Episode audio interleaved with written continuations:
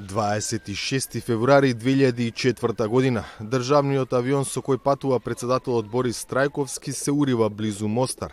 Нема преживеани во падот на Кингерот во тоа магливо утро.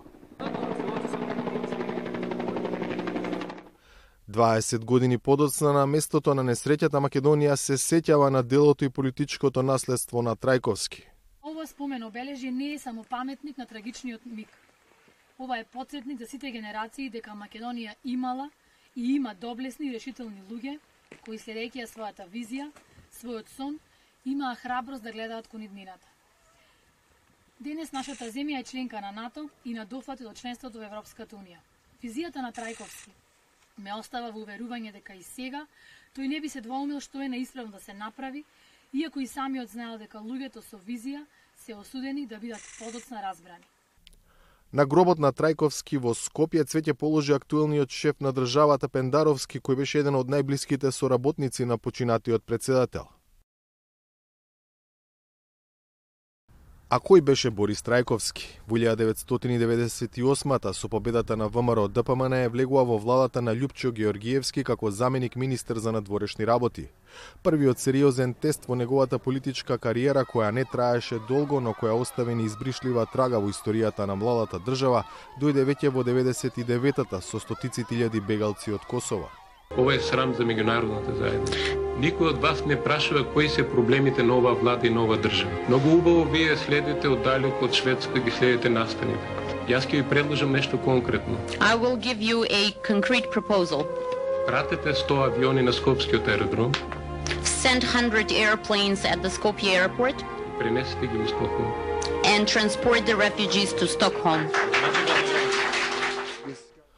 Ова изјава на релативно непознатиот млад политичар во екот на косовската криза го вимна Трајковски во политичките кругови и го представи пред македонската јавност, токму во годината кога во земјата се одржува избори за председател кој требаше да го наследи искусниот Киро Глигоров.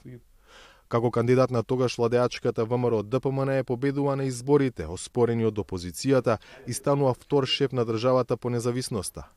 Првата година од мандатот помина релативно мирно, но потоа дојде 2001-та.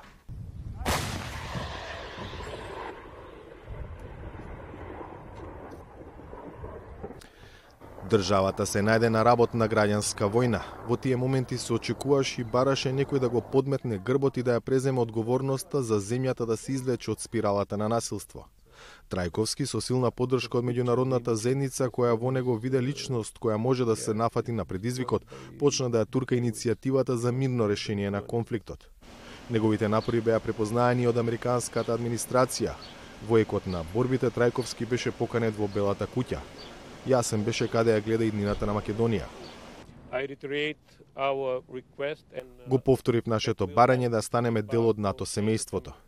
Пријателството со Џорџ Буш, со кого го поврзуваше припадноста кон методистичката црква, остана се до смртта.